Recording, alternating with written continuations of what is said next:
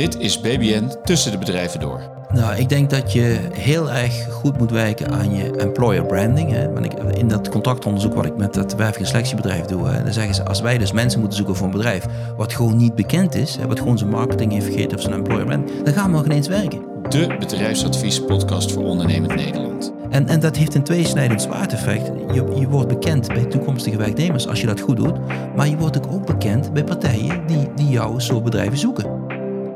Mijn naam is Jan van der Malen, partner bij BBN Corporate Finance. En we hebben vandaag een bijzondere eh, podcast. We gaan vandaag wat speciale aandacht geven aan uh, de zakelijke dienstverlening. Uit de Brooks overnamebarometer bleek ook vorig jaar dat dat by far de sector was waar de meeste overnameactiviteiten plaatsvonden. Dus vandaar dat het voor ons een eer is en een genoegen dat bij ons aanwezig is Han Mesters. Welkom Han. Dankjewel. Uh, Han is sectorhoofd zakelijke dienstverlening ABN AMRO, maar misschien zeg ik het helemaal verkeerd Han. Uh, sectorbanker in een afdeling die met de kennis bezig is, prima. ja, wat, kun, kun, je iets vertellen Han over wat jij precies doet bij, bij ja. ABN AMRO en hoe, wat jouw relaties met de zakelijke dienstverlening Ja, zeker, zeker. Het begon allemaal lang geleden, rond 2000, toen ik zeg maar binnen de beleggingswereld van ABN AMRO Asset Management analist en vermogensbeheerder was. En ik keek toen naar de sectoren Transportation en Business Services, wat eigenlijk zakelijk dienstverlening is. Ik heb dat het jaar of zes, zeven gedaan, heel internationaal. En toen die kennis eigenlijk meegenomen naar een nieuw initiatief binnen Zakenbank toen... Uh, dus binnen de corporate bank wilden ze ook uh, sectorkennis gaan gebruiken als onderscheidend vermogen ja. uh, tegen de concurrentie.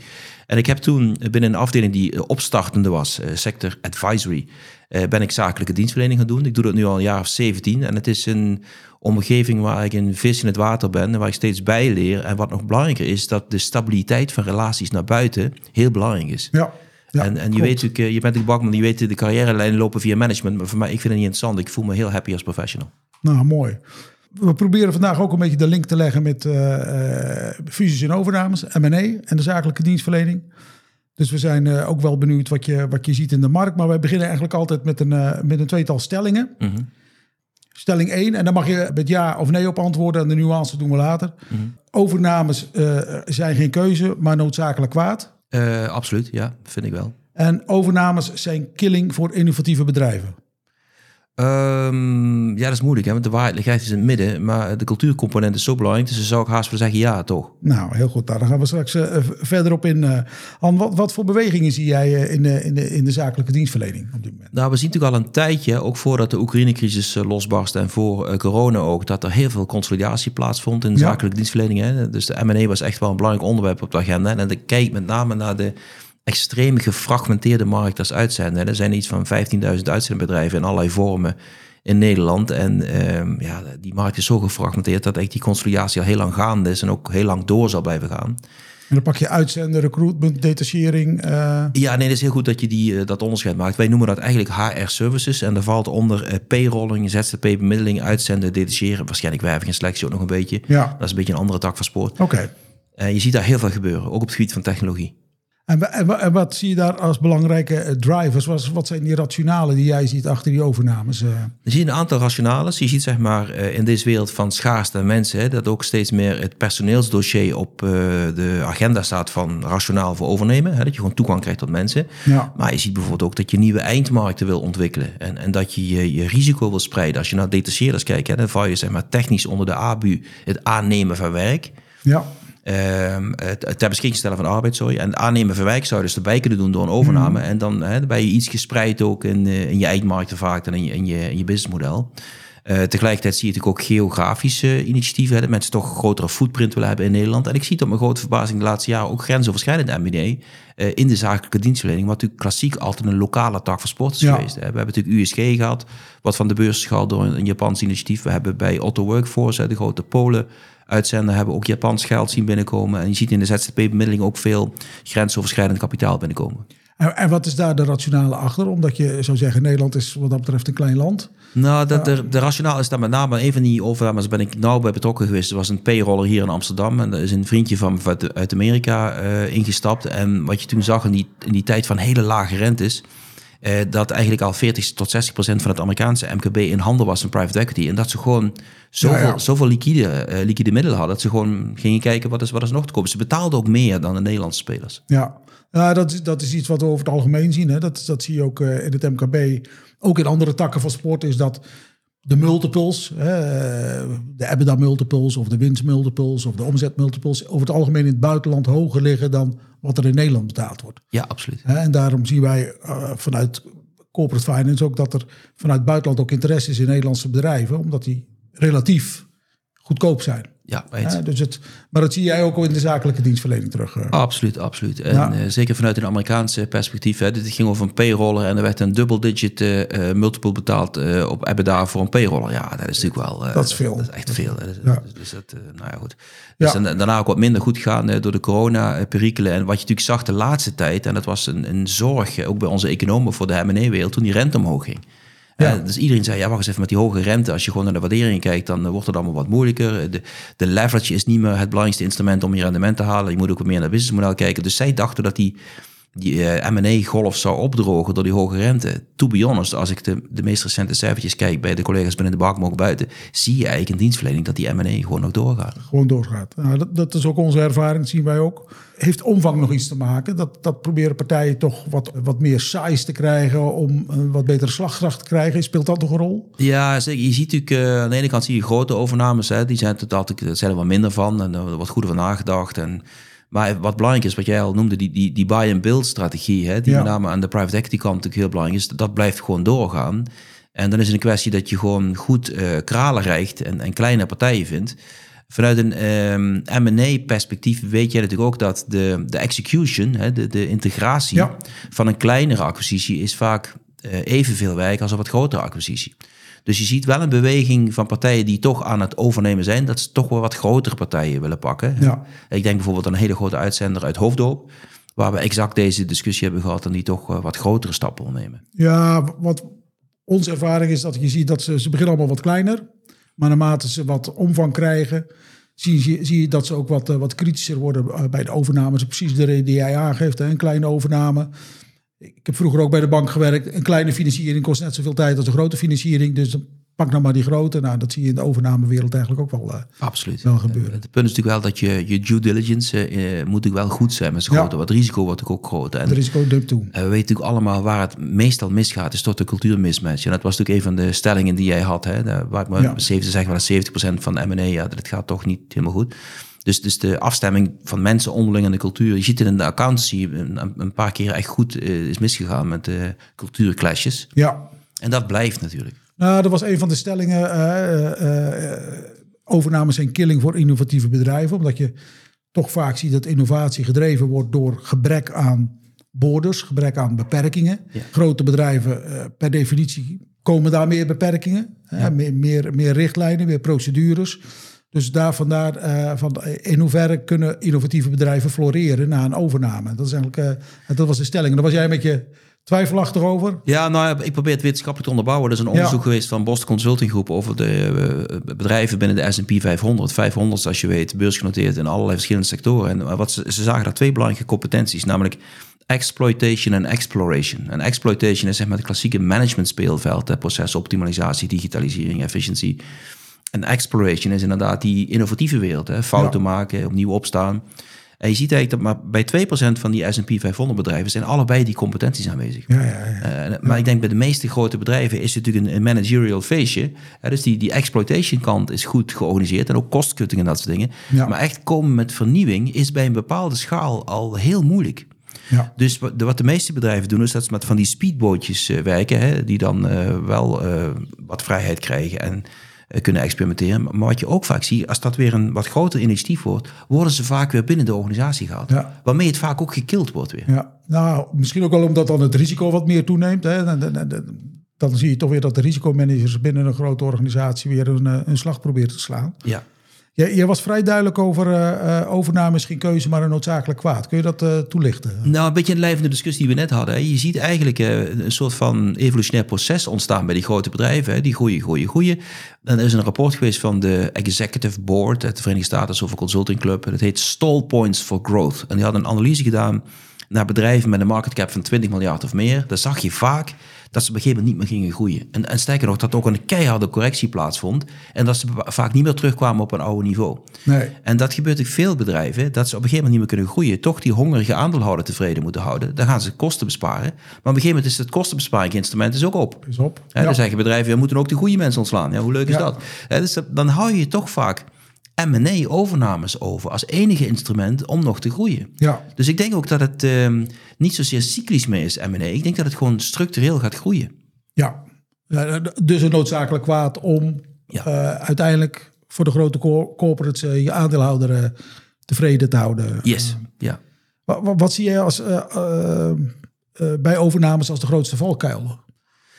Je hebt, Nou- er, je hebt er een paar benoemd. Hè? Integratie, zorgen dat een bedrijf in- innovatief kan blijven eigenlijk. Maar Ja, eh, wat je vaak ziet, en neem ik even een casus uit het verleden. Dat was Catalpa, dat was een eh, kinderopvangketen. En daar is een Engelse private equity partij ingestapt destijds, heb ik over meer dan 15 jaar geleden. En die waren te ongeduldig. Die hadden geld, die hadden een mandaat, die moesten wat doen. Dus die hebben niet goed hun huiswerk gedaan. Dus zeg maar, te snel schakelen is, is ook niet handig. Ehm, wat je ook ziet, ehm, is dat je misschien toch in businessmodellen stapt... die je misschien dan niet helemaal 100% eh, begrijpt. Hè? Dus wat Buffett Ja. zei, ik, ik doe nooit investeren in iets wat ik niet begrijp. En, dus ik was altijd tegen bitcoin en dat soort dingen. En, en da- daar zit een bepaalde discipline in die ik ook begrijp. ja, En ik denk wat je ook moet weten, dat is wat ik geleerd heb van iemand van de Brouwer, een wijze man. Eh, toen we het hadden over zeg maar, eh, fiscaal vriendelijke constructies voor onze private banking klanten. Hij zei toen, ja Han, ga er maar vanuit, als jij iets doet voor een klant en je krijgt een gevoel in je buik van, ik, ik, ik weet het niet, ga er maar vanuit, over vijf jaar mag het niet meer. En binnen die context moet je natuurlijk eh, binnen overnames heel goed rekening houden met wat er vanuit wetgeving, vanuit de EU op bedrijven afkomt. En dan heb ik het met name over de duurzaamheidswetgeving. ja, Er dus dat je niet bedrijven koopt hè, die die slag van rapportage en niet kunnen maken. Want die duurzaamheidsverplichting om te rapporteren, die vindt al plaats bij bedrijven die voldoen aan twee van de drie criteria. eh 20 miljoen eh, omzet, 40 miljoen balanskapitaal eh, en eh 250 medewerkers. ja. Dus heel veel bedrijven worden nu gedwongen om op duurzaamheid, eh, over duurzaamheid na te denken. En als ze dus daar niet scoren, eh, ook al rapporteren ze er nog niet over, moet je daar wel rekening mee houden. Moet je er Maar- vanaf blijven. Sterker nog, dat soort bedrijven die moeten eh, verklaringen afgeven dat hun toeleveranciers eh, eh, op een verantwoorde wijze bezig zijn. Hè? Ja. Dus ook al heb je die twee criteria niet, als jij toelever, toeleverancier wil zijn van die grote bedrijven, dan moet je er, al, moet, je er ook al mee bezig zijn. Het wordt absoluut, een- absoluut een, een issue. dat klopt, ja. Zeker. ja. Ehm, en als je kijkt naar verdienmodellen in zakelijke dienstverlening, zie je daar nog veranderingen? Ja, wat je natuurlijk ziet is dat ehm, als je naar de uitzendsector kijkt, dat je daar eigenlijk een soort van open boekachtige constructie hebt. Hè? Dus eh, je, je moet dan bij, de, bij je klant je koststructuur laten zien en die klant die gunt je dan wat marge. Dus waar veel bedrijven mee bezig zijn, is dat ze hun toegevoegde waardepropositie wat duidelijker willen krijgen, zodat ze een hogere marge kunnen vragen. Ja. En dan zie je eigenlijk een parallel met wat ook bij ons in de bank gebeurt. We hebben natuurlijk heel veel accountmanagers in, in sectoren rondlopen, die zijn gespecialiseerde sectoren. En we proberen eigenlijk dat ze in discussie met de klant niet meer over producten praten van de bank, maar meer een strategisch adviseur worden. Nou, ik doe nou een contractonderzoek voor een eh, grote wervingsselectiepartij. Ik heb een onderzoek gedaan voor een facility management partij. Ik eh, zie wat binnen de bank gebeurt. Ik zie wat binnen de grote uitzenders gebeurt. Ze willen allemaal dat hun salesmensen die stap maken naar strategic advisor. Maar dat is best wel moeilijk. Ik wou net zeggen, want dat speelt volgens mij al 10, 15 jaar. Hè? De, de trusted advisor discussie of de strategic advisor discussie Ja.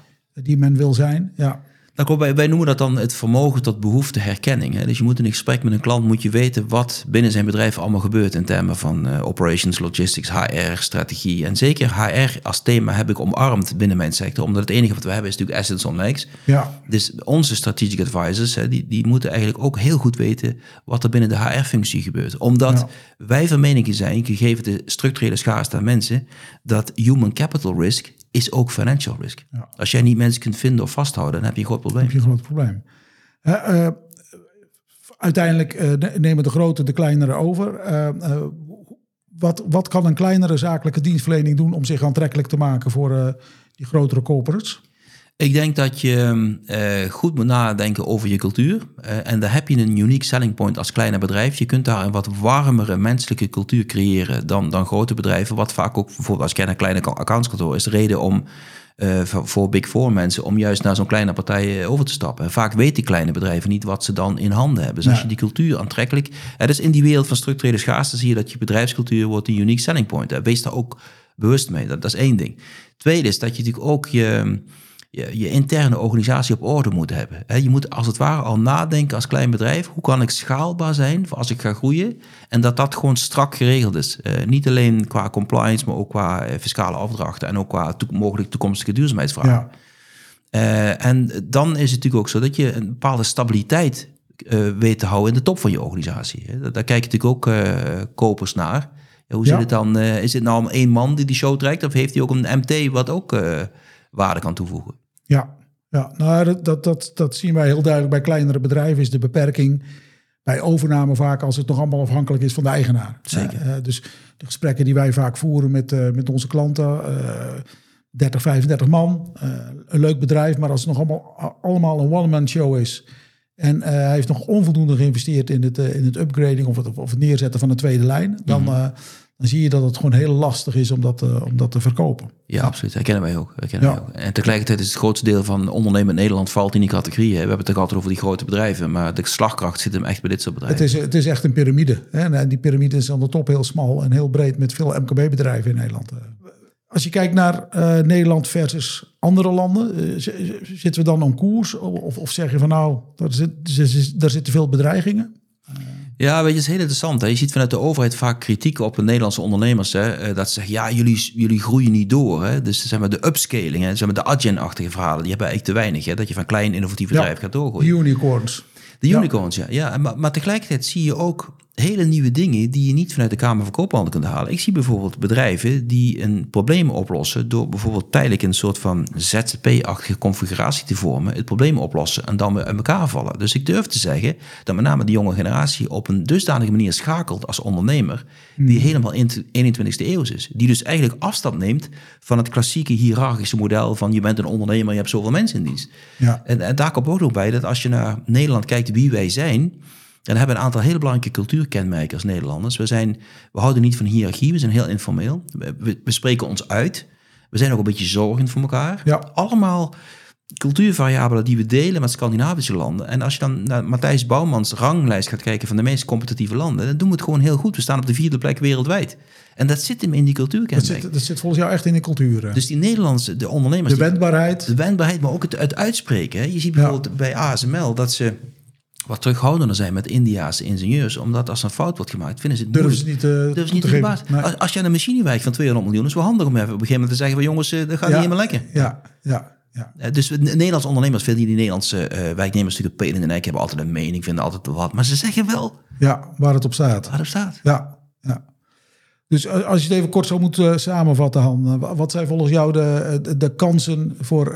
want we willen altijd positief afsluiten. Wat zijn de kansen voor ondernemers in de zakelijke dienstverlening als het gaat om overnames? Nou, ik denk dat je heel erg goed moet werken aan je employer branding. Hè? Want ik, in dat contractonderzoek wat ik met het werving- en selectiebedrijf doe, hè, dan zeggen ze als wij dus mensen moeten zoeken voor een bedrijf wat gewoon niet bekend is, hè, wat gewoon zijn marketing heeft vergeten of zijn employer branding, dan gaan we al geen eens werken. Nee. En, en dat heeft een tweesnijdend zwaard Je, je wordt bekend bij toekomstige werknemers als je dat goed doet. Maar je wordt ook bekend bij partijen die, die jouw soort bedrijven zoeken. Ja dus je moet wel via uh, social media, LinkedIn of hoe, hoe je het ook wil doen, moet je zorgen, ik ben er. Ja. En ik doe het toe en ik ben bijzonder. Ja, werk aan je, aan je employer brand. Ja, dat is één. Zeker. Tegelijkertijd moet je natuurlijk ook je uh, werknemers gebruiken als voelhoorns in de markt. Niet alleen voor het vinden van nieuwe werknemers, maar ook voor het op het spoor komen van kansen. Als jullie je werknemers op een feestje zijn en die komt toevallig iemand tegen, een bedrijf wat, wat iets zoekt. Ja. En, en dan wees er dan alert op dat, dat iemand dat ook doorkaatst naar de top van de organisatie. Ja. Uh, en, en, tegelijkertijd is het natuurlijk ook wel zo dat je je niet moet beperken tot, tot Nederland. Uh, daarbij moet ik wel zeggen dat gezien die geopolitieke verhoudingen, zullen we toch zien dat er machtsblokken gaan ontstaan, waarbij we als Europa min of meer op onszelf komen te staan.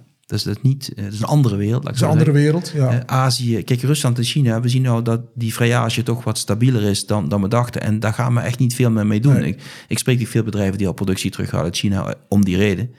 En de Verenigde Staten zal 2024 ook anders worden. Anders worden. Er zal een Trump-achtige eh, president komen die ook wat meer afstand neemt van Europa.